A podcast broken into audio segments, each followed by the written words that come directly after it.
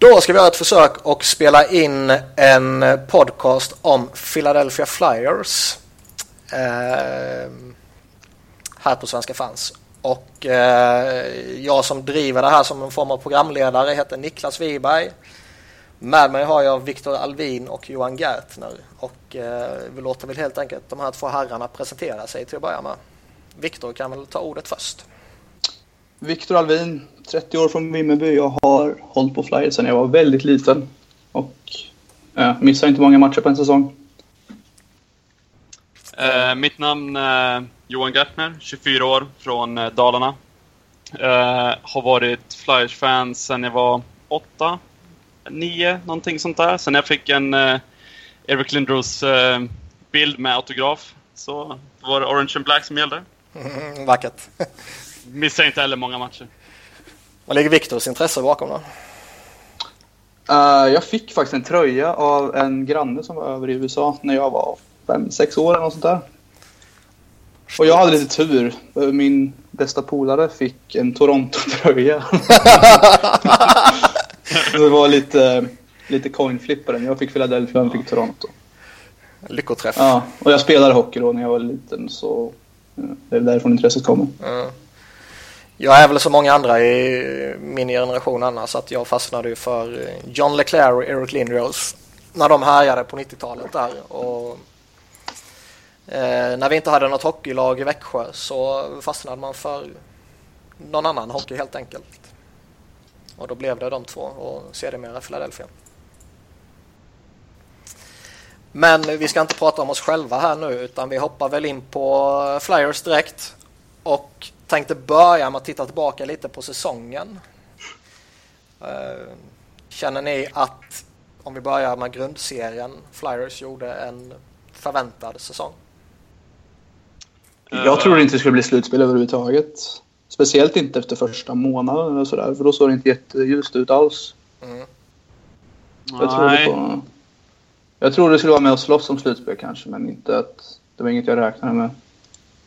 Jag tror väl målet var att som Hextall sa innan, att det var att de trodde att de kunde ta en plats om de spelar bra. Tror jag han mm. sa. Uh, trodde jag att de skulle ta slutspelsplats? Nej, kanske inte. Men uh, man är ju ändå jäkligt glad att de gjorde det, även fast draftpicket blev lite sämre om man tänker långsiktigt. Jo, men den avslutningen där sista, vad var det, månaden, en och en halv månad eller vad det var. Den var ju jätterolig att följa. Mm. Så det är ju nästan värt det att man tappar några positioner i draften. Ja, men det tycker absolut. jag absolut. Och sen får unga spelare mer erfarenhet från slutspelshockey och allt det där. Mm. Hela den biten gör också att det är värt. Jag tror inte det är så stor skillnad mellan 14 och 18 draftvalet ändå. Nej. Det är liksom... Du kan få den spelaren du vill ha ändå oftast. Mm. Ja. Jag tror ju att just den här erfarenheten som The Ghost och Cousins och Lawton och de här fick jag tror det kan vara riktigt bra för om vi säger nästa år eller året efter eller något sånt där om vi skulle ta oss dit igen. Det tror jag. Mm. Mm, det tror jag med. Om vi blickar mot slutspelet lite då. Uh, det såg ju ut att gå riktigt jävla illa mot Washington. 0-3 i matcher och typ total kaos. Steve Mason plockades ut och Mikael Neuver slängdes in. Uh, jag tror ju, ursäkta mig, jag tror ju att om det hade blivit 4-0 där med allt det här att de kastade in på isen och grejer, då tror jag nästan det hade förstört säsongen. Just för att det var så hemskt att bli liksom swept av ja. just Capitals av alla lag. Det är väl Nej, inte de hatar mest, men de ligger nog fan där uppe. uh, ja, men alltså det är, det är väl Pittsburgh och Rangers som är värre bara. ja, så det ja. hade ju varit jävligt jobbigt. Men just att de lyckades i alla fall och rädda upp serien lite. Det, ja. Jag tror jag, jag tror jag skrev det på Twitter lite innan där, innan det började. Det enda jag vill är att de liksom går ut och visar att de inte är så jävla dåliga ändå. Att Nej, de liksom typ. ger allt. Och det tyckte jag att de gjorde till slut när de ja, förlorade med 4-2. Mm, jag sa 4-1 inför tror jag. Mm. Men sen, så jag vet inte, så som det såg ut så var det inte värda att vinna någon av matcherna kanske. Speciellt Nej. inte när de hade nio skott på mål eller elva eller vad det var. det var ju sjukt. Det var bland det värsta jag har sett. Det hjälper ju inte när Mason få det här äh, målet han släppte in. Det var ju hans självförtroende försvann ju på en gång och fick massa skit som vanligt. Couturier mm. blir skadad. Giroud spelar skadad. Voracek är inte i form. Det är liksom, det är inte många som går Ingen på toppform där. Nej, det är inte många som går på toppform där. Ghost var skadad också. Ja. Ja. Mm. Allting talar ju emot att vi ens skulle lyckas göra mål. Eh, så man får väl ta det som en liten succé även fast man aldrig vill åka ut. Hur ser ni annars på den här eh, lilla konflikten, om man säger så, mellan Mason och Neuwirth, som det kanske blev enligt vissa här i slutspelet? Och då menar jag inte att de är ovänner, utan att eh, prestationsmässigt då. Så jag tycker det är ett icke-problem att ha två bra målvakter, speciellt när Mason ändå är mer eller mindre uttalad första målvakt och står majoriteten av matcherna. Och när han inte funkar, då är det jättebra att ha Neuwirth istället för typ Ray Emery som det var förra säsongen. Mm. Herregud. Och jag tycker inte det blir någon alltså, konflikt överhuvudtaget för båda målvakterna vet vad som gäller och alla spelarna i laget vet vad som gäller. Ja. Det, det bara blås... det... Ja. Det är bara Tim Panacco som inte vet vad som gäller.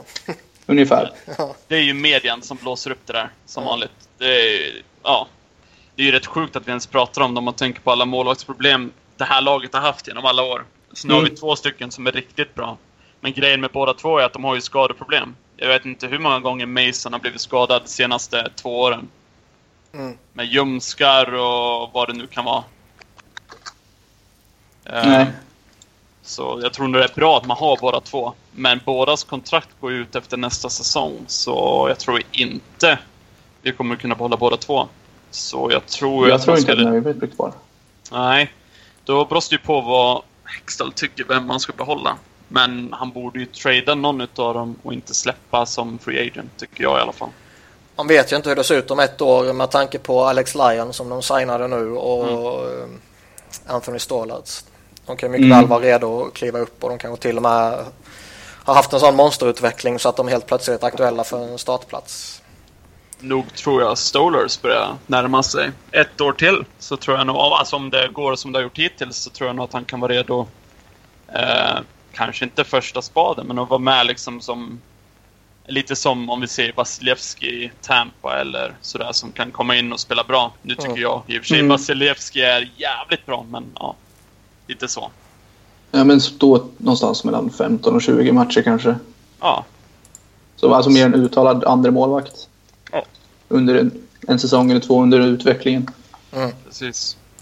Sen som man tittar på vad vi har, om man ser i pipelinen, så ser det ju riktigt, riktigt bra ut, måste jag säga. Du har ju just Lion som vill signa Stolars och så har vi ju Sandström, vad är det, Madsen och uh, Fedotov. Mm. Tror jag det är. Det är någon check alla... också, tror jag. Ja, just det. Tom, eh, Tomek. Tomek. Nu kommer ju inte alla bli NHL-målvakter, det skulle jag inte tro. Men det ser ju bättre ut än vad det gjorde för, vad är det, tre år sedan. Mm. det ser väl bättre ut än vad det har gjort de senaste 30 åren. Ja, ja jag tror det. När Test Tweed, eller vad fan han heter, var vår bästa prospect som spelar i Asien nu. Mm, jag tänkte på det när Kevin Marshall gick till... Hade höga förhoppningar på den killen. Ja. Han, han glänste i Winter Classic-serien i alla fall. Ja, där. Ja. när han hoppar ut i omklädningsrummet. Ja. ja. Då var det mörkt. Hur ser vi vidare på lite spelarkritik annars?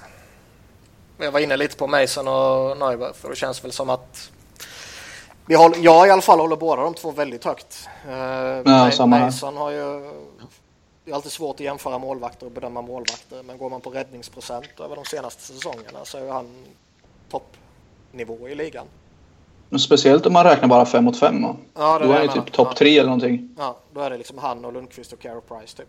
Mm. Ja, det är ju special teams som förstör för hela laget egentligen. Mm. Men även Steve Mason. Nu har de ju haft en förmåga att spela bättre i, i så, eh, i boxplay när Neuvert har spelat.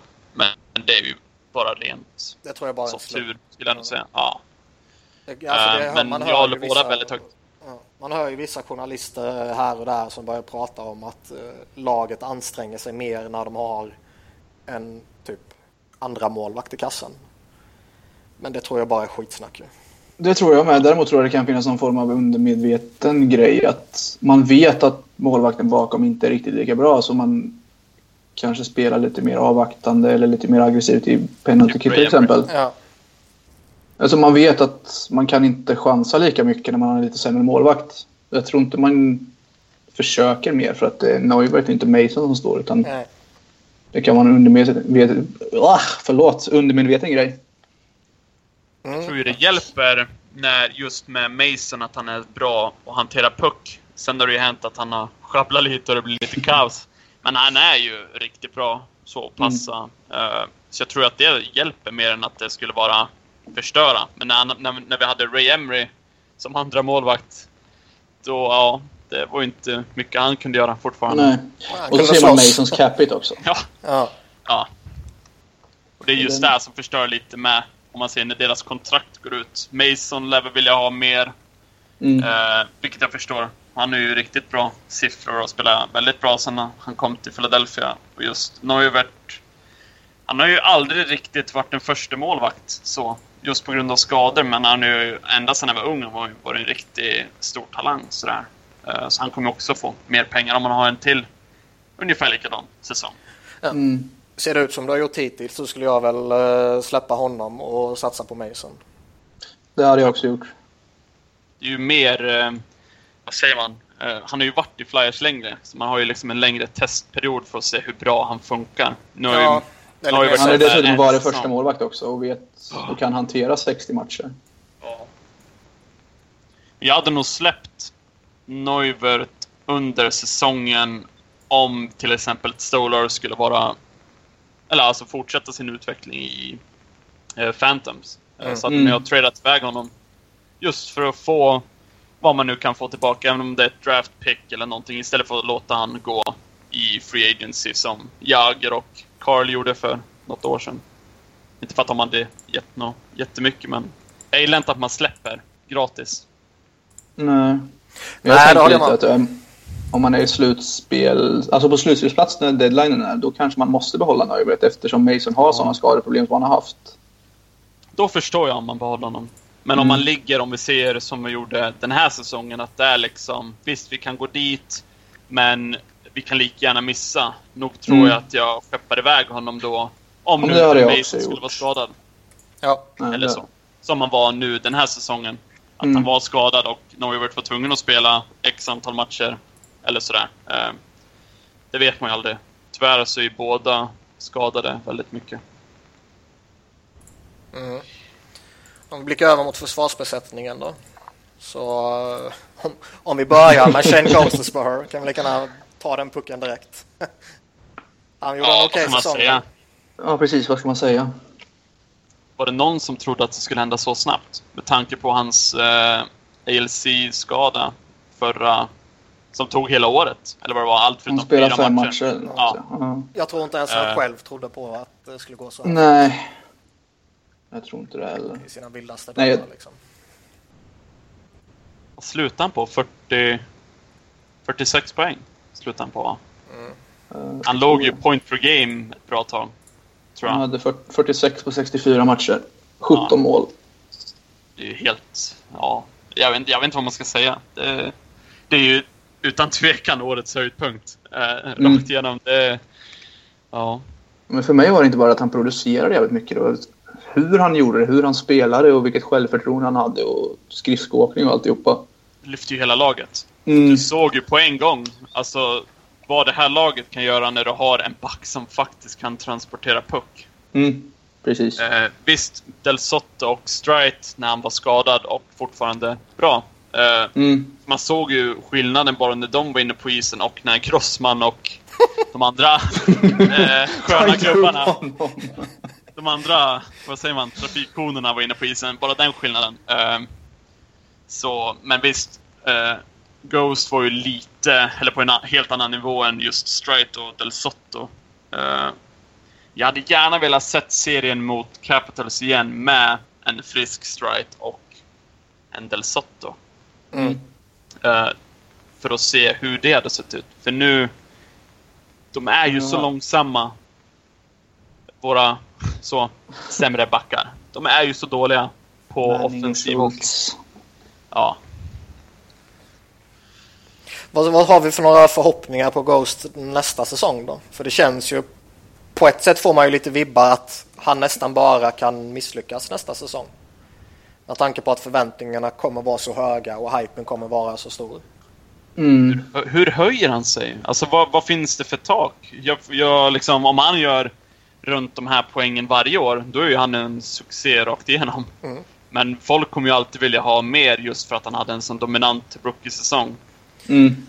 Men sä, sä, gör han 40-50 poäng på 80 matcher så är jag mer än nöjd med poängproduktionen i alla fall. Oh ja. Men säg att han landar på 10 mål och 30 poäng nästa säsong. Vilket inte alls är helt uh, orimligt med tanke på hela det här sophomore slump och hela det där köret. Uh. Jag tycker det låter bra. Alltså, det hade jag tagit. Visst, jag hade ju gärna sett han öka på, öka på, öka på hela tiden. Men nog fasen hade jag tagit 10 mål och 30 poäng. Det tror jag. Ja, ja absolut. Mm. Jag tror att hans utmaning nu är inte att fortsätta producera det och bli bättre utan puck. Framförallt i egen zon. För på blålinjen och så, då är han hur aggressiv som helst med klubban och allting. Mm. Och gör det jättebra. Men utan puck i egen zon, då är han fortfarande lite... Alltså det syns att han är rookie liksom. Ja. Fast det är där var... hans utmaningar ligger tycker jag. Ja, men jag tycker ändå han var bättre än vad jag trodde han skulle vara. Mm. Mm, det håller jag med om. Verkligen. Det, det, det sjuka egentligen är att när man ser han försvara så ser det bättre ut än när till exempel Schultz eller Manning försvarar egen zon ibland. Nu tyckte jag, måste jag faktiskt, Schultz var faktiskt bra mot Capitals i slutspelet, det får man ju igen. Han blockar ju... Ja, men det är för att han bara kan blocka skott. Ja. Och Caps sköt 100 per match typ. Ja, mm. det, det, Då kommer Schultz se bra ut. Det är där man märker honom. Ja, och Ovechkin mm. försöker skjuta, han blockar 10 skott per match. Mm. Ja, får man ju liksom igen lite cred. Men... Uh, uh, ja, jag, jag tycker ju att han ändå är rätt bra i egen zon. Speciellt på blå linjen som du sa. Men visst, han kan ju bli bättre. Och jag tror att han blir automatiskt bättre om han blir lite starkare. Just för att mm. han... Mm. Och liksom kommer Milan Lucic och stångar bakom mål och han ska försöka ta pucken ifrån honom. Det är inte så jävla lätt om du väger 70 kilo eller 73 eller vad du väger. Det, är ju så. Liksom, du måste ju... Ja. Nej, men då får du använda liksom, klubban och kvickhet och sånt där istället. Ja. Det, det, sånt man, det går ändå att utveckla och lära sig hela tiden hur man gör det bättre. Ja, ja. Det kan ju inte vara svårt att vara smartare än Milan Lucic. Nej, där har han ju honom redan nu. Liksom. Men jag hatar det här äh, som medien säger att man får leva med hans defensiva spel. Han, li, han är så bra ja. offensiv. Och jag hatar det. Han är ju bättre än de vi har Förutom mm. kanske Del Sotto som jag har tagit ett väldigt stort steg mm. defensivt. Det var lite ja, jag tyckte han var näst bästa back defensivt sett över hela säsongen. Om man, ja, efter Del Sotto då, tills han gick sönder. Ja. Men det var lite den känslan jag hade i början på säsongen där Ax att eh, liksom, ja, man får leva med vissa defensiva eh, misstag. Men han, mm. kompens han kompenserade med sin offensiv. Men det tog ja. ju några veckor. Sen var ju liksom Sen resonerar man inte så ju. Utan då resonerar nej, man som nej, jag tycker inte det heller. Här har vi en jävligt komplett här, back. Det är ju Randy Miller, de här gänget som hela tiden kommer med det där. Ja, jag, är mm. jag är blockad av honom så jag vet inte vad han skriver. Ja, jag. Samma här. jag blir så arg om jag läser dem där så det är nog bara bra att jag blockar och slipper ja, bli arg hela tiden. Ja, exakt. Vad är lite andra backar då? Mark Straight, när han eh, bröt sin penis så blev han rätt... Eh, han blev rätt eh, slak efter det ju. Det var nog det bästa som kunde hända Flyers ändå. Ja. Sjukt nog. Eftersom ja. det innebar att Ghost kom upp. Men ja, när han väl kom tillbaka så... Liksom, slutet av karriären och du får en sån skada som ändå tar så hårt efteråt. För han var ju helt värdelös efteråt. Mm. Det var inte... Mm. Alltså tar du bort liksom, namnet på ryggen och du inte ser vem det är så ser ju inte du att det är Mark Strite. Nej, nej, nej. Han kunde ju vare sig åka skridskor eller jag tycker, jag tycker till och med att han inte ens kunde hantera pucken. Liksom. Men det ser ut som Manning ungefär. Ja. ja. Mer eller han, mindre. Ja. Han hade ju ändå en, man får säga en jäkligt bra säsong året innan. Eh, jag har ju velat trade han i typ, ja, ett år nu tror jag. Just mm. för att han kom, han är ju, vad är han, 38, fyller 39 eller har han fyllt 39? Nej, 38. Ja. Tror jag. Man, man känner ju att han kommer ju till slut bli dålig. Och jag tror ändå att man skulle kunna få någonting för han innan han blir dålig. Än att han ska vara dålig och fortfarande spela topp fyra minuter. Mm. Uh, så nu känns det ju lite för sent, tror jag. Nu tror jag man måste betala lite som så Bickel-traden uh, där med Carolina uh, för att få bort den. Men samtidigt behöver man inte få bort honom. Men, ja. Nej, man behöver Nej. inte få bort honom. Alltså Chicago var ändå, de var ju cap så de var ju tvungna. Ja, mm. alltså, ja, nu menar jag mer att man kanske måste ge någonting. Även om det är ett fjärde pick eller femte mm. pick eller någonting just för att få bort hela cap-hitten. Men nu har vi ju även tre eh, som vi kan retaina nu i sommar.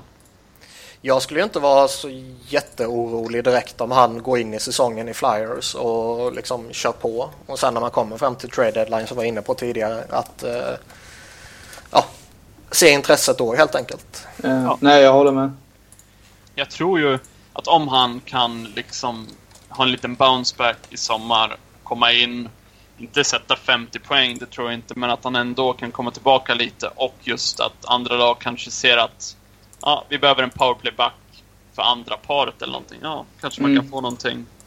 Jag, jag, tror, jag tror alltid det är något lag någonstans som oavsett skadesituation kan vara villiga att ta en chansning på en, eh, ja, en powerplayback på utgående kontrakt. Ja, liksom. Det tror jag också. Och behåller man 50 procent av hans kontrakt så är det 2,6 miljoner eller något och då kan man ju få till och med typ ett andra eller tredje val tillbaka. Ja. Det är ju bara året ut så det är ju mm. inga problem alls.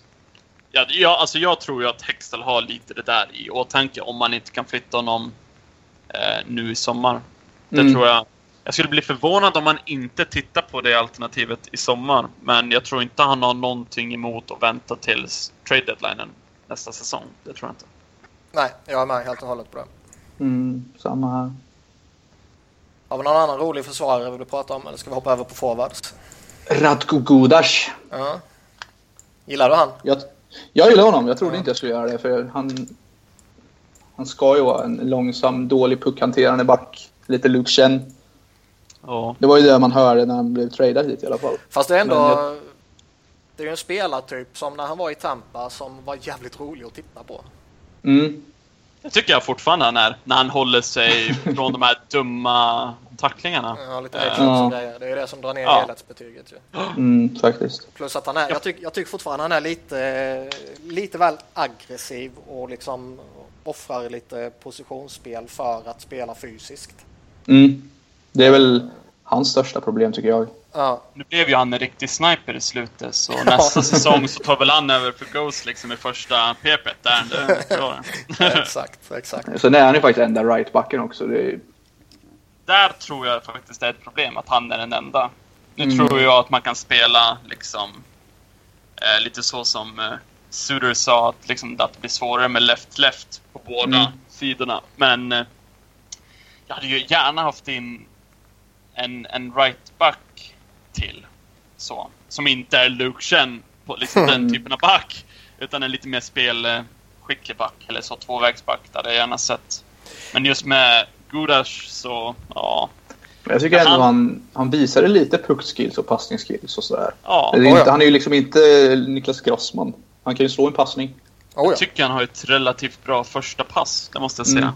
Och kan han bara liksom så runda av sitt game lite så och inte vara lika eh, med de här tacklingarna så jag förstår ju varför man har honom i laget. För att kollar man resten av backuppsättningen så är det ju...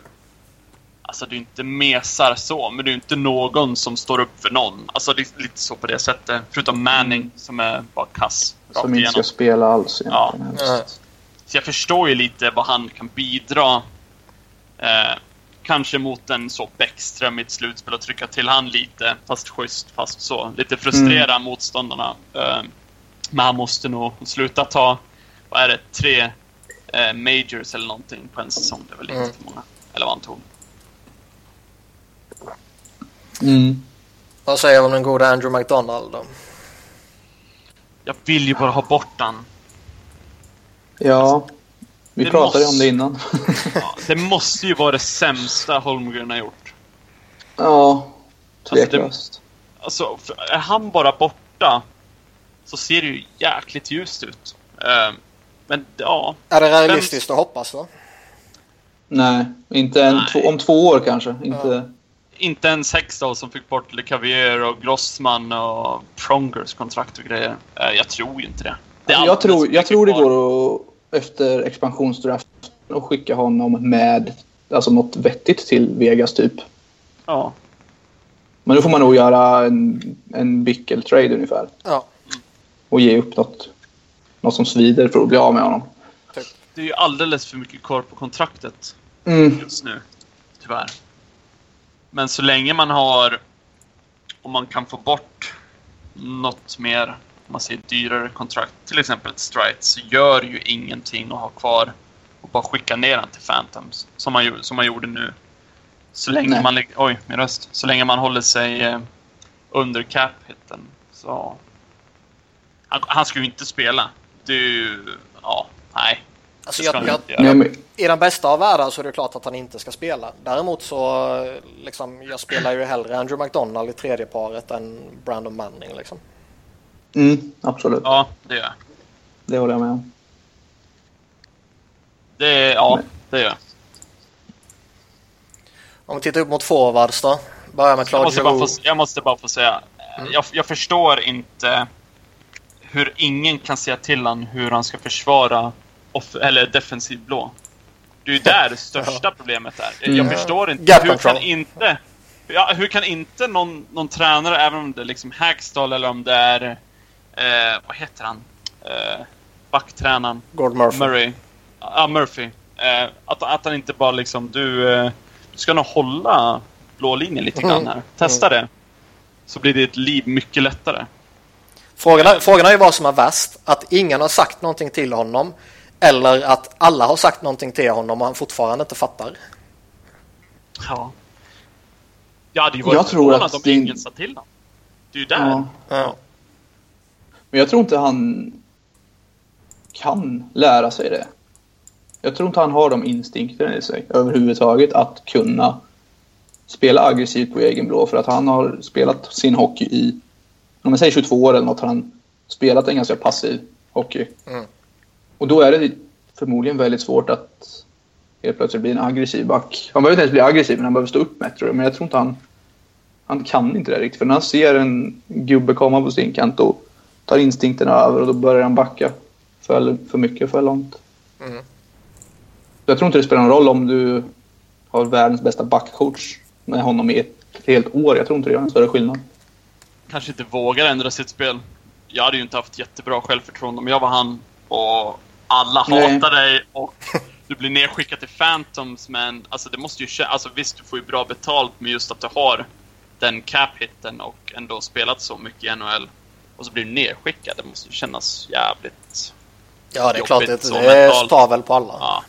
Fast jag måste ju, man får ju ge en cred. Han tog det väldigt bra och så ville visa att han faktiskt skulle spela NHL. Och gjorde mm. det ju bra i, eh, för Phantoms, men det är ju fortfarande AHL. Och när han väl kom upp igen så var han ju lika värdelös. Ja. Hade jag haft något problem med honom om han kostade en miljon istället? Nej. För fem miljoner? Mindre problem. Hade han fortfarande gjort misstagen så hade man ju fortfarande liksom gett honom skit. Ja. Men då hade man kollat om han kostar en mille och ändå gör några bra saker här och där. Ja, ja det är väl okej okay då. Ja, det är, är fem, Vad är det? 5,5 över fem år till? Eller någonting sånt där. Fem är det bara. Fem ja, i fyra år. fem i fyra år till. Ja. Det känns ju sådär. Ja, det är ju bättre än vad du trodde. ja, så jag är så negativ så ja. Mm.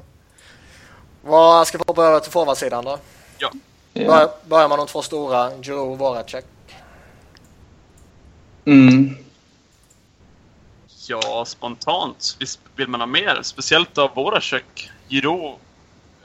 Jag tyckte man såg att han blev skadad någon gång under säsongen. När det började mm. dippa. Han låg väl ändå på liksom point per game runt 60 matcher där någonting. Eller 50 eller vad det var. Och jag tyckte han mm. såg jäkligt bra ut. Mm. Uh, det var sen Couturier gick sönder va? Var det inte ungefär ja. då som Giroud dippade för att han fick ta så jävla mycket mer defensivt ansvar också? Ja.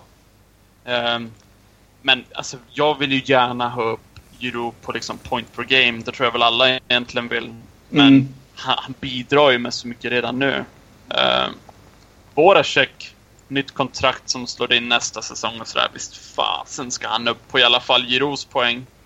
Fast, jag, fast jag, jag är inte jätteorolig för Voracek ändå. Nej, det är, inte, det är inte jag heller. Inte jag heller. Det är mer att man vill ju att han ska upp dit, men jag är inte, liksom, så jag är inte orolig. Jag Nej. tror ju fortfarande att, eller jag tycker att han är en av ligans bästa liksom, right-wingers, eller left-wingers om man nu ska spela på den sidan. Um, Ja, vad föredrar du där? Vänster eller höger? Höger. Alltså han, hans, jag gillar ju när han viker in eh, från högersidan. Mm. Men han såg ju jäkligt bra ut med, med Couturier och eh, Simmons ett tag där på, på vänstersidan. Men det beror ju helt på om vi skulle säga att Connectney eller sådär, eller om man tar in en annan free agent eller vad det nu kan vara. Men han, hans naturella är ju right wing, så jag tycker att han fortfarande ska vara på den sidan. Jag föredrar honom till höger, men det känns ändå skönt att veta att man har möjligheten att skicka över honom till vänstersidan och han kan göra det bra. Lite Mm. som du säger beroende på hur, hur eh, högersidan i övrigt ser ut. Ja, Men jag det var en liten matchup också om du möter ett visst lag som kanske har... Eh, ja, så vi säger att de skulle ha en... Eh, Grossman. Ja. Eh, Men just det här att han kan vika in från högersidan när han är liksom på topp och han, han tar sin... Han tar pucken på egen blå och tar sig förbi liksom första forechecken om man ska säga och sen viker in. Det är, Mm. ja, det, det är svårt för, då, för motståndarna. Han kan ju inte riktigt göra den grejen på vänstersidan. Det är det som är lite synd. Nej. Men annars känns det liksom lite som att om, om man tar bort eh, den lite svaga inledningen och om man tar bort slutet eh, där, efter skadan där han ja, alldeles uppenbart fortfarande hade problem av den. Eh, Mm. Så var han ju point per game ju. Ja, Problemet är ju inledningen egentligen och att en spelare går poänglös från vad var det, 15 matcher eller typ och gjorde knappt några Ja. poäng liksom. det är ju så sjukt det där. Ja, Eh, men det är liksom Första sånt, det är matchen sånt som missade han ju händer. öppet mål. Ja. Ja. Första matchen mot Tampa, han har öppet mål. Mm. Ja, sätter han den, vilket han gör 99 av 100, ja, då kommer han ju med självförtroende in. Liksom, det börjar bra för jag gjorde mål första matchen. Ja, då kanske vi inte ens sitter och pratar om det här nu. Liksom, det, Nej, han hade några, jag kommer ihåg det. Det var ju massa sådana. Han missade öppet mål två eller tre gånger och han Ja. hade ju fyra, fem stolpträffar och sånt här liksom. Klubbor som gick av i PP när han skulle skjuta och sånt där. Ja, Ja. ja. Men jag tror att det där med poängen i början berodde lite på ny coach, nytt system ja. Och hela den där biten också. Det var inte vad de var vana vid riktigt. Nej, och jag Det tror... var, inte, eh, det var inte lika fritt och inte lika flytande spel. Det var lite mer statiskt och lite Mm. mer avvaktande. Men sen när det väl satt, då, var det ju, då gick det snabbare än på Berubis tid. Tror jag. Oh, ja, verkligen. Men Jag tills att- det satt så gjorde det inte det. Nej, jag tycker att han såg... att Han såg ju fortfarande bra ut. Sen, jag avskydde ju när de satt han med Vandevelde och Belmer. Alltså, två, alltså visst, Belmer var bra i SHL och grejer, men du sätter här din ja, näst bästa spelare, om man säger så offensivt, Mm. med två av dina sämsta. Eh, så poängmässigt. Han, han, han, han ju inte göra någonting. Han har, Nej. inget, han har inget självförtroende. Och liksom, han är en slump och du sätter han med två stycken som inte kan ge dig några puckar att jobba med. Utan det är dump and chase, dump and chase och så byta. Frå- Frågan är ju med vilken avsikt han blev placerad där. Eh, med tanke på att vi vet hur mycket Hackstall gillar den kedjan, eller de två rättare sagt. Mm. Eh, det, den normala liksom, åtgärden när man slänger ner en superstjärna i en fjärde kedja det är ju för att bestraffa honom i en eller två matcher. Liksom. Och visa att du ska förtjäna din, din plats i, i första kedjan igen. Liksom.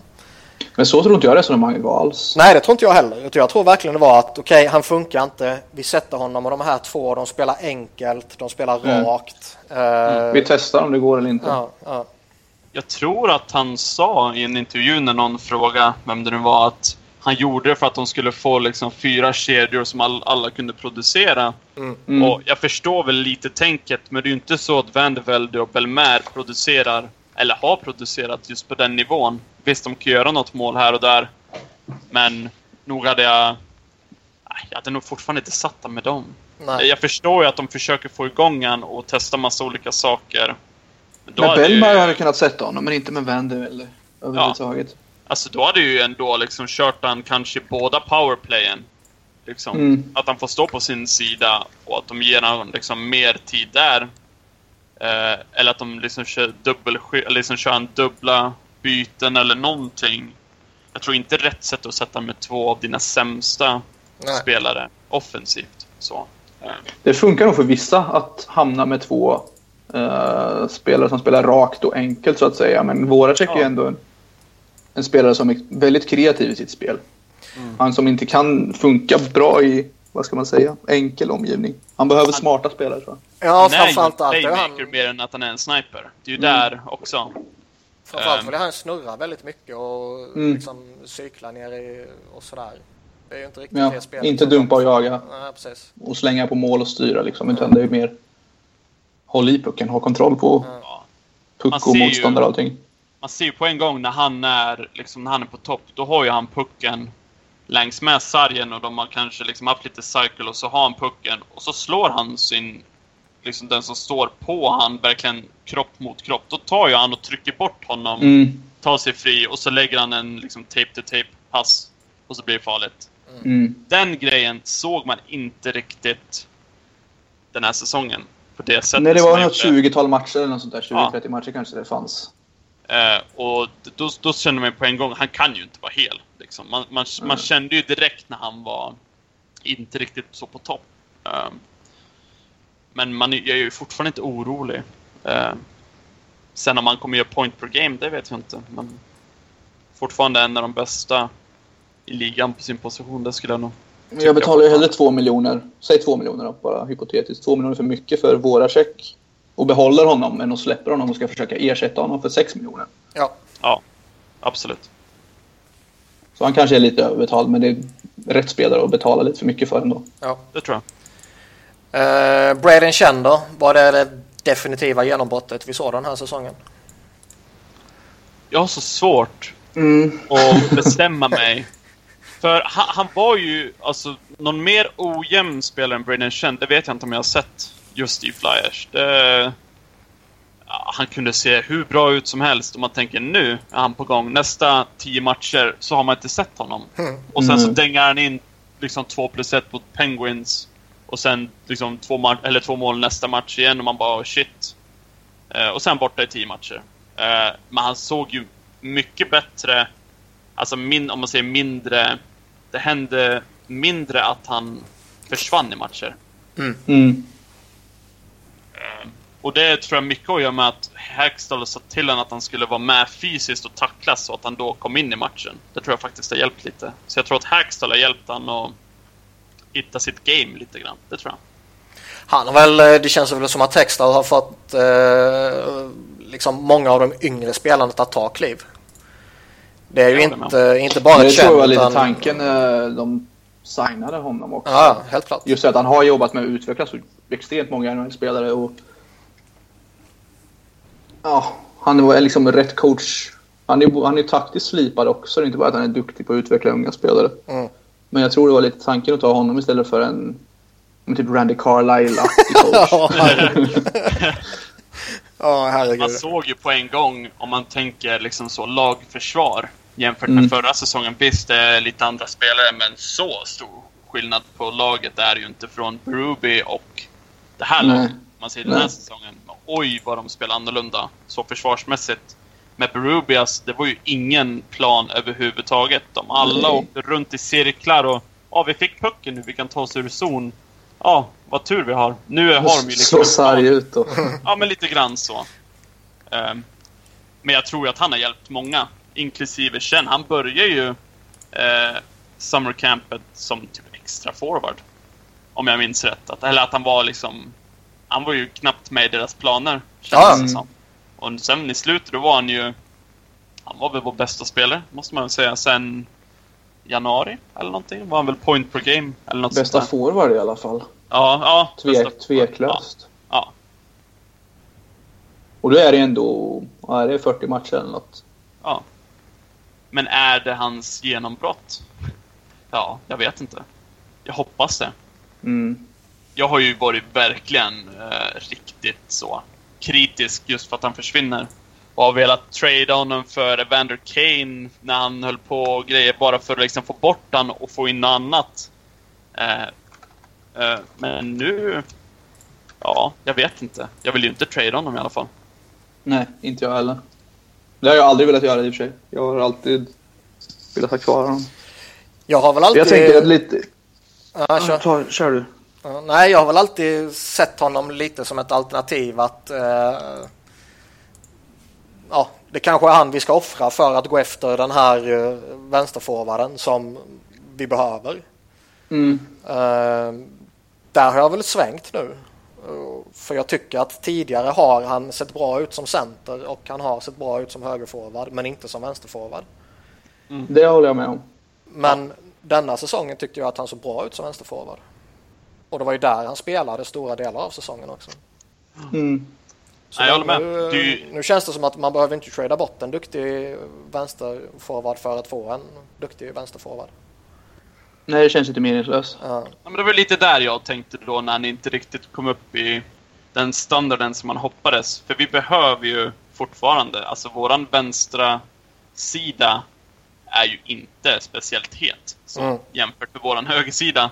Mm. Eh, och det är ju där det behövs ju fortfarande in en topp 6 forward där, vilket Hextall, eller Hextall fortfarande, eller han vet ju, han gick till och med ut och sa det. Så, eh, ja. Men just nu vill jag ju inte skeppa iväg han. Det vill jag ju absolut inte. Så jag hoppas ju att det är ett genombrott. Men man vet ju inte. Ja, men jag, jag tror inte han gör en sämre säsong nästa säsong. Varken poängmässigt eller spelmässigt. Nej, Nej. Och liksom ligger han runt eh, 60 poäng som han gjorde denna säsongen och ja, 25-30 mål så är det ju Mm. jättebra. Och en av Flyers kanske bästa forecheckare också. Ja. Bra fötter och kör över folk och ligger rätt. Ja, alltså han bidrar ju mer än bara poäng. Det var ju lite det. Innan så kunde han ju fortfarande göra lite poäng, men han var ju Mm. inte med i spelet. Nu, speciellt mot Capitals i slutspelet, han var ju en... Han körde ju över varenda person. Alltså Mm. det var ju ingen som inte blev påkörd. Och han retade upp spelare, så... Han bidrar ju faktiskt med i matchen mer än bara poäng. Så... Nej, jag hoppas han kan i alla fall, även om han inte tar ett kliv, i alla fall nå samma nivå. Det tror jag. Ja, men ligger han på samma nivå så är det ju helt klart en väldigt Absolut. bra vänsterforward att ha. Oh, ja. Ja. Ligger han på samma nivå, om vi säger att han kan ligga på den här nivån under sin prime och allt det där. Alltså då, alltså visst. Det är ju, alltså long term, det är ju, hade jag signat upp honom på en gång. Om man Mm. kan liksom hålla den här nivån. Eh, absolut, inga problem. Eh, på tal om att spela på en hög nivå. eh, Ska vi hoppa vidare till RJ Umber kanske? Kan vi göra? Det är ju klart nu att eh, Flyers som väntat kommer köpa ut honom. Ehm, han har ju ett år kvar på 4,6 miljoner och det köper man ut till en kostnad av 1,5 miljon första året och 1,6 miljon andra året. Eller tvärtom, jag kommer faktiskt inte ihåg nu. Inte jag heller. Nej, inte jag heller. Men det är ju... Men bra är det i alla fall. Ja. Jag tror vi alla är rätt så överens om att det var ett korrekt beslut. Ja, Mm. Det var väl rätt väntat också. Ja. Jag betalar ju hellre 1,5 miljoner för att han inte ska spela än att jag betalar 4,6 miljoner för att han inte kommer att spela. Tyvärr. Ja. För han eh, skulle väl vara 13-14 forward. Mm. Ja, och då är han alldeles för dyr för att vara. Jo. Ja, när man har McDonald redan. Ja, ja. precis. Ett dåligt kontrakt är inga problem, men två är lite Ja. värre. Det, det var ju rätt väntat. Ehm, Alltså det snackades ju om det här redan när traden skedde. När de plockade Mm. eller skickade iväg Hartnell och tog in honom istället. Att eh, förmodligen kommer man köpa ut. Det var ju till och med snack om att man köper ut de sista två åren. Så att man skulle gjort det här Mm. för ett år sedan. Men det tror jag var bra att de inte gjorde. Visst, han hade ingen bra säsong överhuvudtaget, men jag tycker ändå han, han var värd chansen att få försöka en säsong till. Men det sjuka var ju att han såg ju så jävla bra ut under preseason. Mm. Han alltså... Jag kommer ihåg det. Jag trodde det skulle vända för honom verkligen. Ja, han for ju förbi liksom. Tyler Johnson och alla de här i träningsmatcher Ja. och sådär. Och såg ju jättepigg ut. Och sen började Men säsongen. då är det, han hade fötter helt plötsligt ju. Ja. Och så, så, Så, så började- när han kom så kunde han inte åka skridskor längre. Ja, exakt. nej. Och sen tog Ja. det typ två matcher eller någonting och sen var det samma Umber som vanligt. Ja. Ja. Nej, men jag tycker Hexer gjorde rätt som inte köpte ut honom direkt utan faktiskt gav honom chansen och studsa tillbaka. Det funkar inte. Och Nej. då löser man det nu istället. Mm. Och jag tror att han kommer hitta någonstans och spela för någon miljon en säsong eller två till kanske.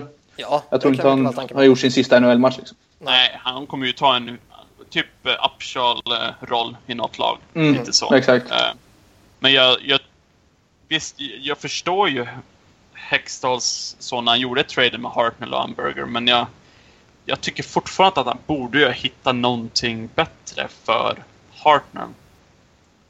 Är det bara det jag tycker, som... det tycker jag. Nej, jag tycker det också. Jag tyckte det då när traden hände också. Men, Nej, men det är klart. samtidigt så litar jag så pass mycket på Hextall att det kanske var det bästa han fick. Ja. Och det bästa, Hartnell hade ju ändå no moment clause också. Så ja.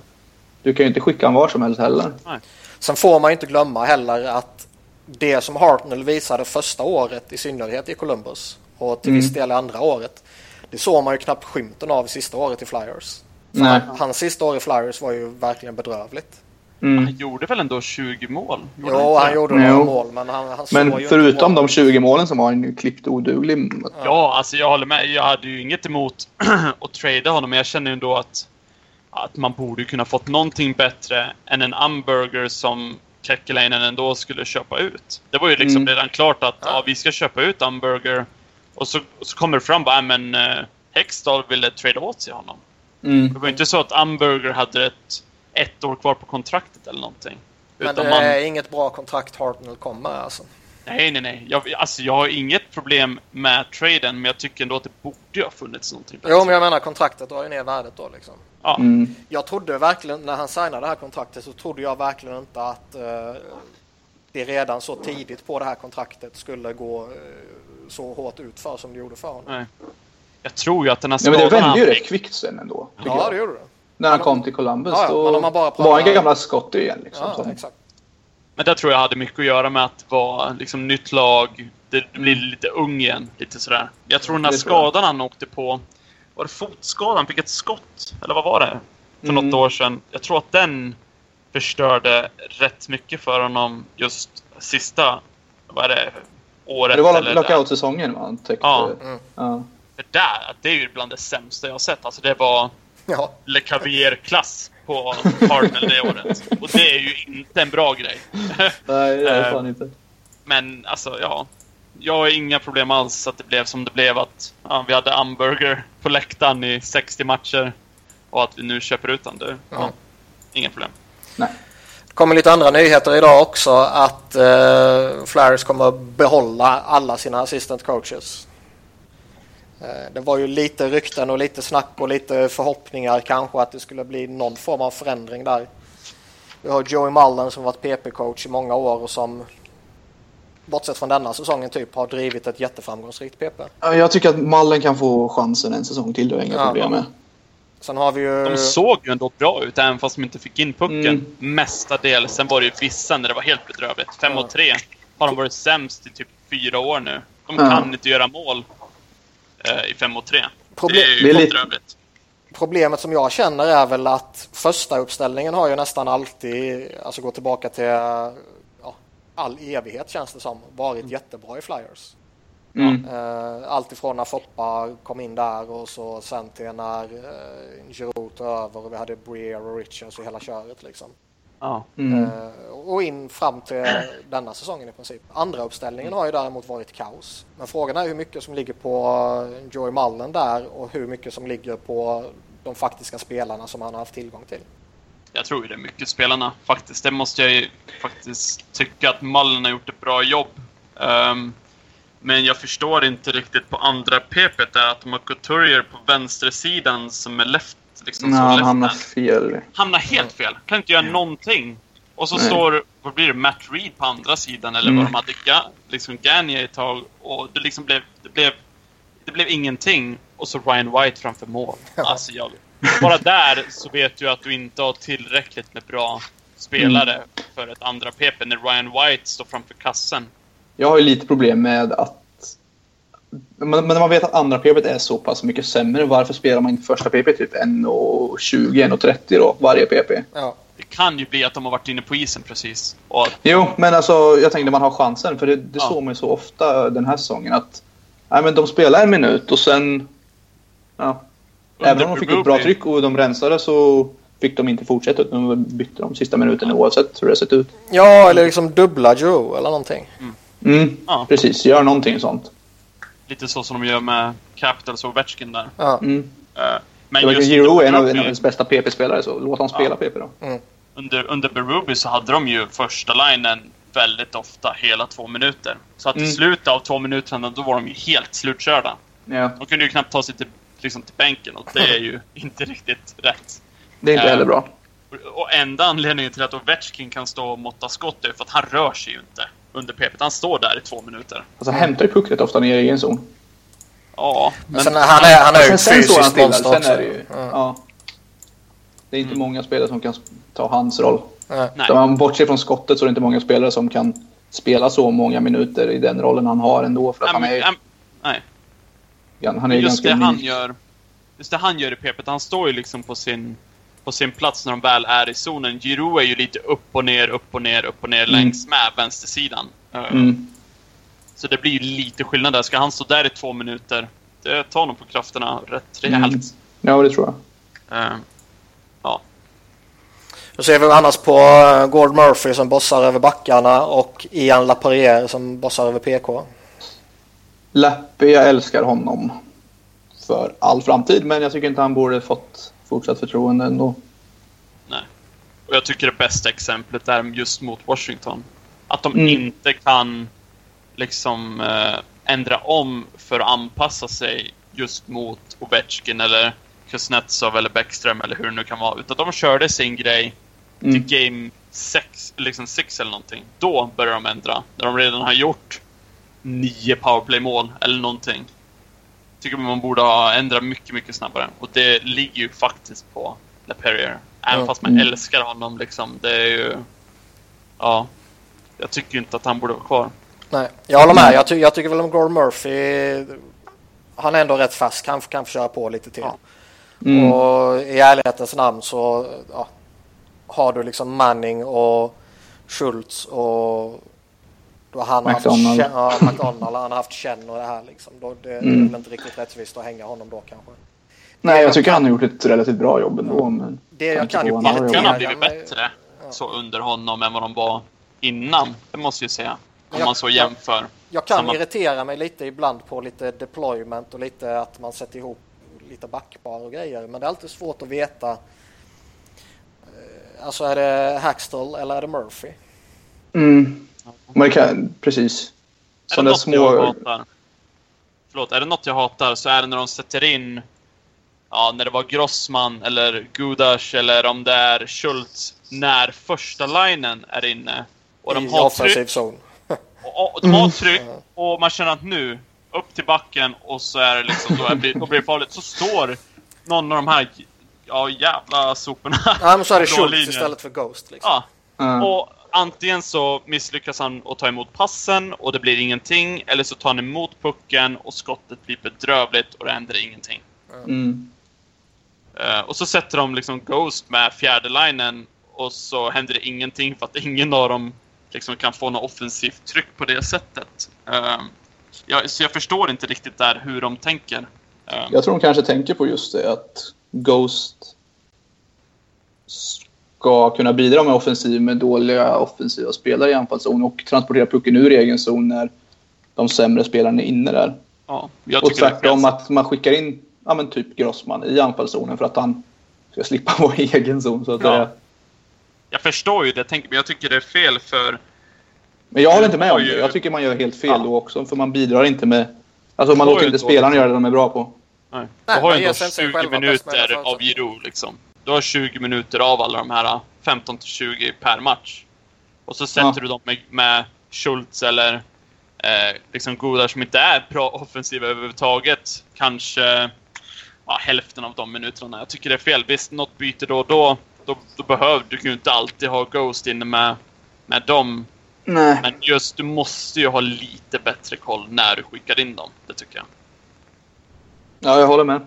Och det är ju samma med att köra fjärde linen när du har offensiv tekning. Mm. Uh, det förstår Jaha. jag inte heller. Det är någonting som... Så fort jag ser Ryan White åka in på isen när de har offensiv tekning. Alltså jag blir ju så arg så att jag vet inte vad jag ska ta vägen. Ja, faktiskt. ja. Um, ska vi börja titta framåt lite mot sommaren, lite kort bara. Uh, lite UFAs, lite RFAs. Uh, som uh, ska ha nya kontrakt eller som man ska släppa. vi pratade lite Braden Chen tidigare ju. Han blir RFA och han kommer ju garanterat få ett kontrakt ju. Ja. Med en löneförhöjning på några miljoner. Ja. Vad har han nu? 2,5? Ja, tror jag. Ja, men dubbla hans kontrakt ungefär då. Ja. ja. Jag hade ju jättegärna sett han fått ungefär som Couturier, men jag tror ju han kommer få mer. Mm. Han, han, kommer få Nej, han, var, han var lite för bra sista halvan av säsongen ja. för att det Coates sa ju 4,3 tror jag. 3-3, 3-3. Mm. Så jag tror att han skulle landa på runt 5. Ja. Eh, Chen. Mm. Om man håller den här nivån har ju absolut inga problem överhuvudtaget med just Nej. den summan. Eh, men man är ju fortfarande lite skeptisk till om man kommer att göra det. Det är där det hänger lite för mig. Sen är det ju det jag tror inte han får ett långt kontrakt. Jag tror han får ah. två, kanske. Ja, då, alltså, då är det inget problem överhuvudtaget med fem. Nej, nej. Men det är om, om man vill signa upp sig, om man liksom skulle betta på att det här är det här är liksom bara början, att han kanske tar ett litet steg till och når 60-65 poäng per mm. år. Om vi ser det. Det är ju inte helt orimligt. Om till exempel PP skulle bli bättre mm. eller vad det nu kan vara. Um, det, enda, det enda jag känner det är väl att ja, egentligen vill man väl inte ha för många långa kontrakt. Nej. Och du har redan Giroud, Voracek, Couturier. Du har Andrew McDonald. och förmodligen kommer det ju komma spelare underifrån nu som inom ett år eller två eller tre ska ha längre kontrakt. Typ Ghost eller Provorov eller Sandheim och ja. så vidare. Um, jag, jag, jag, ser gärna att man skriver, vad ska man säga, en, en dyr bridge deal med Braden Chen. Ja. Som ni var inne på, 5 miljoner, två, tre år kanske. Mm. Ja, det, ja, det skulle inte vara några problem alls. Just tre år, för då tror jag det är Raffels kontrakt går ut om tre år. Simmons går ut om tre år. Och så är det någon mer. Kan, nej, kan, nej, nej det är de två. Mm. Ja. Jag hade jättegärna sett två, just två, tre år. Just för att då har du ju lite flexibelt hur du vill göra. Eh, Simmons kommer ju få en löneförhöjning när hans kontrakt går ut. Han har ju ett jättebilligt kontrakt nu. Strax under fyra. Ja, jag eh, skulle ställa mig väldigt tveksam till att förlänga med honom. Med Simmons? Ja. Med Simmons? Han är, han är väl 30 då? Ja. Han är 30 då. Vi lite, ser alla Det är lite Lucic-varning. han blir 31 när säsongen startar tror jag. Ja, ja liksom, det är ju liksom- lite Lucic-varning så. Vi ser uh. alla powerforwards bryts sönder mm. när de passerar 30-årsstrecket liksom. Ja. Och skriva ja. ett dyrare kontrakt med honom som förmodligen kommer landa på 5-6 år liksom. Då skulle jag hellre trada honom och ja. få ett jävligt bra utbyte. Absolut. Och det är ju jag är då just att om det är tre år. Om du är tre år med Chen så har du ju då om du skulle trada Simmons så har du ju liksom lite att jobba med. Vilket du kommer ha i vilket fall som helst eftersom det är många kontrakt som går ut innan. Jag tycker det är bra om man sätter upp kontrakten i alla fall nära om man säger de flesta andra så att inte alla har 7-8 år liksom. Utan mm. de här om man säger mellanspelarna, Chen, Raffel, eh, Matt Reed, Simmons, lite så som inte är superstars, att de har runt samma längd på kontrakten. Mm. Mm. Man ska ju undvika att signa long term på många spelare, om man kan göra det, tycker jag. Vi har ju en rätt intressant RFA i eh, försvaret också, i Radko Gudas. Mm. Som eh, ja, man förhandlar med honom och eh, de senaste ryktena som kommer ut är väl att man är rätt nära en överenskommelse. Mm. Men vad, vad skulle ni vara redo att pröjsa för honom? Svårt. Någonstans uh. mellan 2 2 och 2 8 kanske. Inte riktigt 3 miljoner men någonstans under det är väl max. Mm. Ja. Och inte, väl, inte längre än typ 4 år eller? Nej. Jag vill ha så länge ens en gång. Jag Nej. skulle säga max 3 faktiskt. Mm. Um, ja, men 3 är optimalt för min del. 4 ja. funkar. 5 vill jag inte ha. Nej. Nej, nej. Tre år max. Helst två om jag hade fått välja. Men det, mm. han kommer få längre än två, det är jag nästan övertygad om. Tre år mellan två och 2,5 åtta, som du sa, skulle jag nog vara nöjd med. Så länge det är under tre. Mm. Då, då, blir det nästan lite Grossman-varning på det där dealen. Det är där någonstans smärtgränsen ligger för mig, tre miljoner. Ja. Då börjar det lukta lite sämre kontrakt om det. Sen kanske han tar två steg nästa säsong, det vet jag inte. Men som det ser ut nu så skulle jag inte ge mer än så. Han, han, bidrar ju med mycket om man, inte, om man får bort de här dumma tacklingarna och vad det nu kan mm. vara. Jag, jag, tycker väl att uh, uppemot tre också är lite i högsta laget. Mm. Alltså, jag... Nu, nu har man väl en helt annan bild av honom efter säsongsavslutningen än vad man hade uh, med två månader kvar av säsongen. Ja. Och mitt under säsongen var jag rätt tveksam till att skriva ett stort och långt och dyrt kontrakt med honom. Men uh, nu är man väl lite mer öppen för det. Mm. Men liksom två, tre år för max två och en halv är väl vad jag vill se i så fall. Vi är ganska ja. överens där alla tre va? Ja. Jag tror ju att han kommer få 3 plus, tyvärr. Jag har År eller miljoner? Eh, miljoner. Jag tror att han kommer få 3 plus. Jag läste jag, jag att de ville skriva ett långt kontrakt med honom. Och så långt tycker jag är 4 plus och då kan han ju inte få så mycket pengar han per har, år. Han har sagt, eh, Hextall har sagt att han vill skriva long term. Sen vad det betyder vet man ju inte. Det Men kan vara två år. Den känslan. Ja, jag har bara den känslan att det kommer bli 3 miljoner plus. Mm. Och det är jag lite orolig över. Uh, det, det gör inte menat om det bara är på tre år. Då, då, då är det ju inte riktigt går det ut samtidigt som Proveros gör och det går ut samtidigt som Sandheims gör också i så fall. Mm. mm. Så då är det liksom då är det hanterbart ändå om ja. det är på tre år. Det är ju inte är ett problem så? då. Men det är om man Nej. vill liksom bara så spara in pengar-syn. Uh, ja. Uh, men det är ju inte ett problem om det är tre år i vilket fall som helst. Uh, men jag, jag, tror att han kommer få tre plus uh, mm. år, eller miljoner. Det tror mm. jag. Vad ser vi någon annan uh, action till sommaren annars då?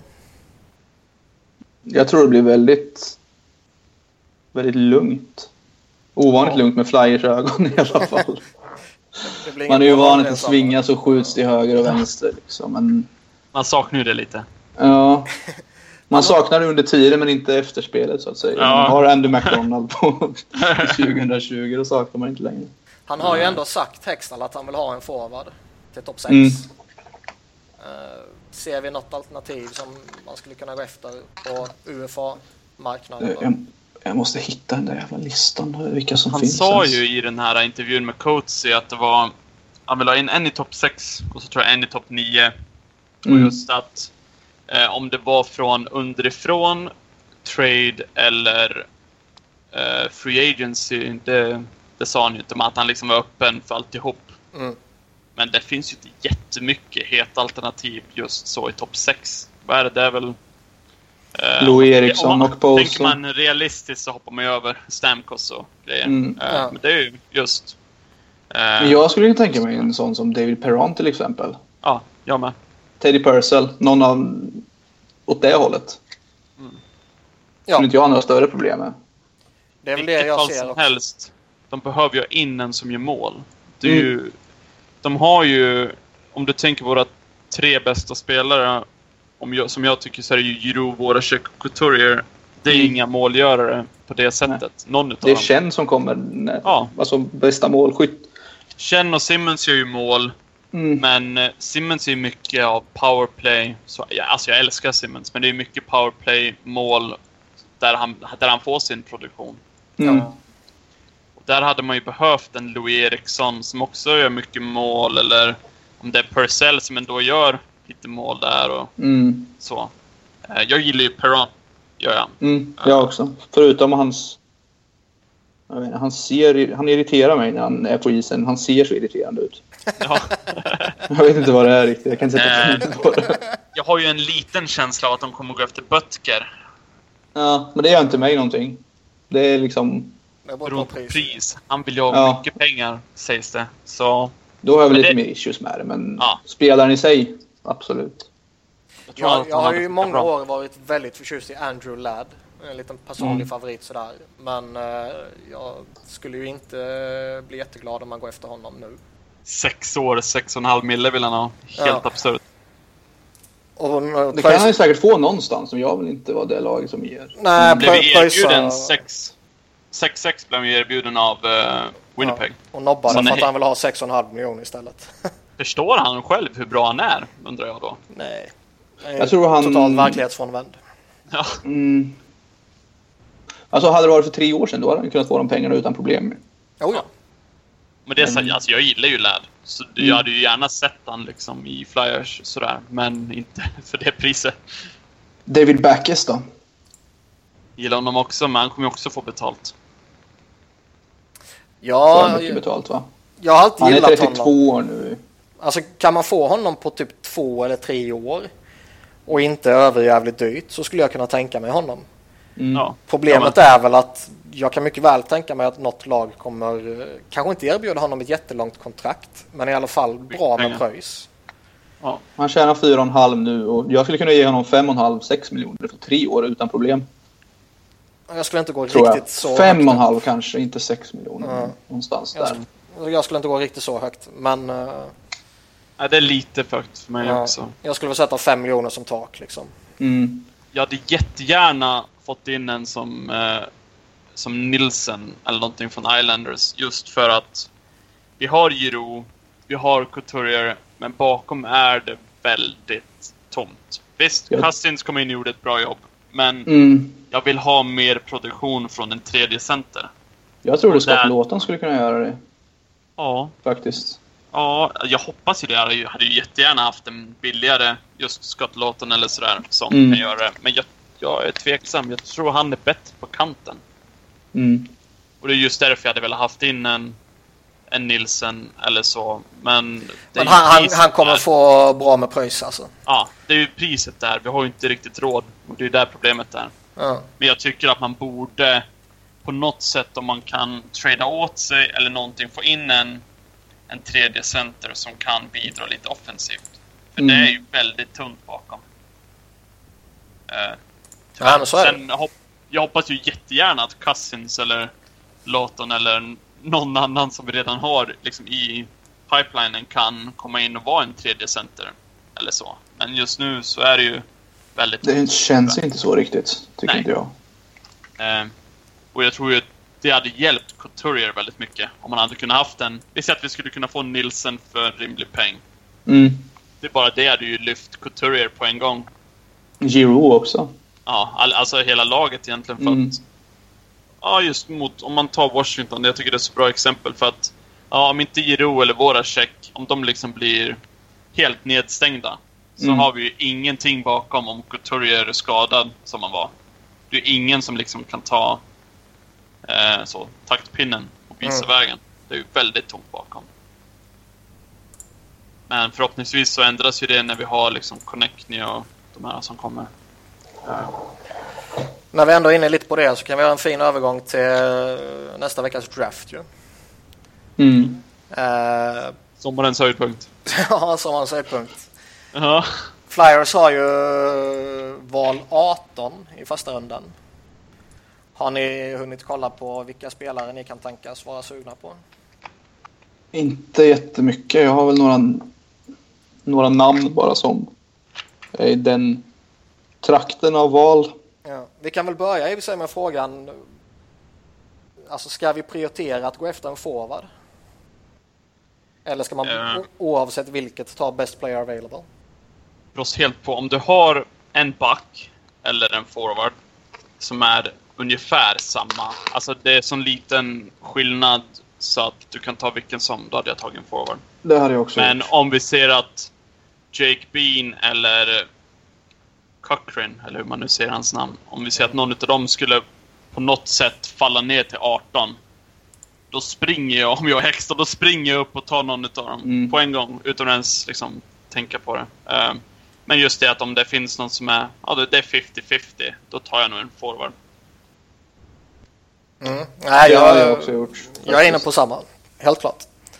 Däremot så man... spelare, men är de likvärdiga så tar han forward. Ja. Mm. Däremot känner jag lite så här, några av dem som är aktuella för att kanske gå där, typ Max Jones eller Julian Garfier som det har. Mm. Rätt, rätt många har dem någonstans liksom 16 till 20 kanske. Ja. Mm. Det är sådana här stora kraftfulla powerforwards typ. Uh, deras hockeysense och hockey-IQ och så här beskrivs ju lite som frågetecken. Mm. Jag vill inte ha en sån. Nej, de skräms man lite av. För den enda blicken jag får framför mig det är ju Larsson Cruise. Mm. Ja. Förmod förmodligen kommer det bli en NHL-spelare men det kan lika gärna bli liksom en grinder i fjärde kedjan. Ja. Men kolla Tom Wilson typ. Ja, och sådana vill kan... inte, Du vill inte slösa ett första val på honom. nej, nej. Även om man... Alltså, han har storlek och hela den där grejen. Men liksom, han kan ju inte spela hockey. Nej. Finns det någon spelare man avskyr mer än Tom Wilson? Jag tror inte det. Nej. Andrew McDonald. ja. Det, jag har ju en, alltså en, eller det, det är två stycken. Uh, just med 18 valet som jag är rätt intresserad av. Det är Bellows och Ruptsov, eller vad fan han heter. Ruptsov, ryssen. Mm. Uh, Bellows är jag sugen på. Och det är just det skillnaden mellan med de två och de andra att just Bellows är ju en riktig målgörare. Ja. Mm. Som här är left-winger. Bra gener också. Så det, mm. Ja. Så det passar ju in. Han är ju, vad är han? Spelar i tyska... Hans farsa spelar i, vet du, Berlin Capitals. Det var hans höjdpunkt. Förutom Stanley Cup och grejer. Mm. uh, men just, just Bellows, han är ju en riktig målskytt. Uh, mm. och, det, och sen att han är left-winger, det är väl bara plus. Så han, ja, han passar ju in just så. Så att om han skulle finnas så hade jag jättegärna sett han. Just för att det är målgörare och det är ju lite det vi behöver på forwardsidan. För ja. playmakers, det har vi så det finns att bli över. Mm. För många år framöver. Eh, om Connectny nu skulle bli som vi tror han kommer bli. Och målgörare är extra dyra ja. första juli också. Om man ska hitta en free agent. Så mm. kostar det mycket mer att skaffa en målgörare än en playmaker. Ja. Oftast. Ja. Och sen har du ju den här ryssen då, Ruptsov.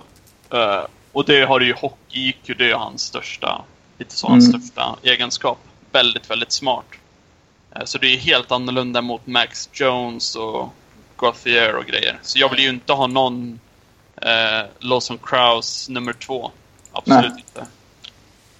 Sen är ju Jake Bean är jävligt intressant ju. Ja. Uh, vissa rankningar har ju honom i typ topp 10. Vissa har honom exakt kring där Flyers kommer välja på åttondeplatsen. Mm. Och uh, bevisligen så fungerar han ju bra med Travis Sunheim från Calgary. Och han har en enorm offensiv potential. Intelligent, rörlig och skicklig och så vidare. Mm. Skulle han vara tillgänglig är det fan svårt att nobba honom tror jag. Det tycker jag också. Jag hade kunnat lite för... honom bara för att han har spelat med Sanheim. Och man får liksom ett, liksom, eh, hur säger man, lite så som Keith Seabrook, eh, inte för att de spelar i så juniorerna, men just för att det blir liksom så att det blir ett backpar som du har i X antal mm. år. Som du bara vet, du skickar in dem 30 minuter per match liksom. Och de dominerar hela tiden. Lite så den känslan eh, känns det som att det skulle kunna bli om det blir som man hoppas. Så jag hade jättegärna tagit honom. Jag tror att han ryker tidigare. Ja, det, det tror jag. jag också faktiskt. Uh, skulle det vara aktuellt att byta upp sig typ? Det kommer vara alldeles för dyrt. Mm. Som det alltid är, tror jag. Och så kan du göra som Hextall gjorde förra året, han tog Connectny istället. För två val högre tror jag upp till ja. var det. Mm. Nu har ju Då faktiskt... visst, om, det, om han verkligen känner att han vill ha den killen som... Ja, då, då är det väl ja. värt det. Men jag tror inte det är värt att trada upp i typ topp 10, topp 8 någonstans. Nej, det kommer vara alldeles för dyrt. Då ryker ju liksom Simmons eller någonting. Mm. Bara för att få det valet. Mm. Um, nu är det ju faktiskt så att vi har, eller Flyers har två second rounders. Så de går ju att använda för att få ett till första val. Mm. Om man skulle till exempel trada tillbaka det första valet vi har och sen använda de två second rounds för att få till exempel eh, ännu mer om man säger första, slut av första eller flera slut av första eller någonting. Mm. Just för att plocka, vi säger om Jake Bean skulle flyga ner och att det är någonting fel med han eller om det skulle vara Ruptsov eller någonting så man kan plocka flera. Så jag har inget emot att trada tillbaka heller just för att eh, plocka någon senare. Så. Nej, nej. Inte jag heller. Uh, ska vi runda av där kanske? Eller har ni mer på hjärtat? Uh, jag har nog inte så mycket mer på hjärtat. ja, hej då, Mr Hamburger. uh, vi får väl se vilken uh, frekvens vi kör Flyerspodden med. Det blir väl lite oregelbundet. Uh, I synnerhet under sommaren. Men mm. eh, ni får eh, jättegärna följa oss på Twitter och dunka upp med lyssnarfrågor och diskussioner och övrigt. Och ni hittar ju Johan under Johan Gartner, eller Gartner i mm. ett ord. Och Viktor under Viktor Alvin med ett ord. Viktor med K. Och så Alvin med två L. Ja, det kändes jag som självklarhet, men det var det kanske inte. Nej, inte här. Alvin. Det finns... Uh, och mig hittar ni under Niklas Wiberg under ett ord med Niklas med bara C och Wiberg med enkel V. Och till, ja, ha det bra till nästa gång och tack för idag Viktor och Johan. Tack själv. Ja, tack själv.